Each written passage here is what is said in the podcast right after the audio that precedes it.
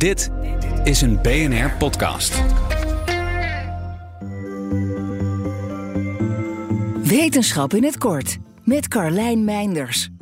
Het gaat niet goed met de insectenpopulaties wereldwijd. En dat heeft een rimpeleffect op de rest van de natuur. Veel planten zijn afhankelijk van insecten voor bestuiving. Dus je kunt je voorstellen wat het voor gevolgen heeft als die insecten er ineens minder of niet meer zijn. Franse wetenschappers hebben dat effect nu verder uitgezocht en zo zagen ze dat wilde, bloeiende planten zich aanpassen aan de nieuwe omstandigheden. Ze evolueren steeds meer richting zelfbevruchting. Dat klinkt als goed nieuws, maar dat is niet helemaal het geval.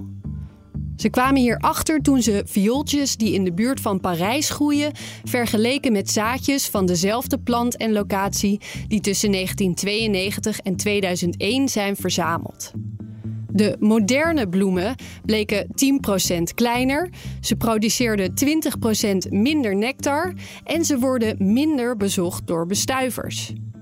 Het vermoeden is dat dit een directe link heeft met de rap teruglopende aantallen insecten in Europa.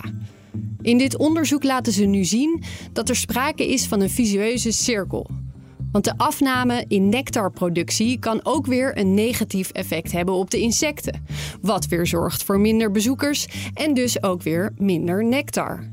Volgens deze wetenschappers laat dit nog maar eens zien hoe belangrijk het is om zo snel mogelijk maatregelen te nemen.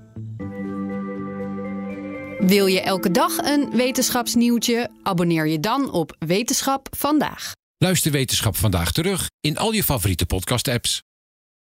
Ook Liesbeth Staats vind je in de BNR-app. Ja, heel handig. Luister live naar Kees en mij tijdens de Daily Move. Dan blijf je ook gelijk op de hoogte van breaking news en het laatste zakelijke nieuws. En daar vind je ook alle BNR-podcasts, waaronder de Perestrooikast. Download nu de gratis BNR-app en blijf scherp.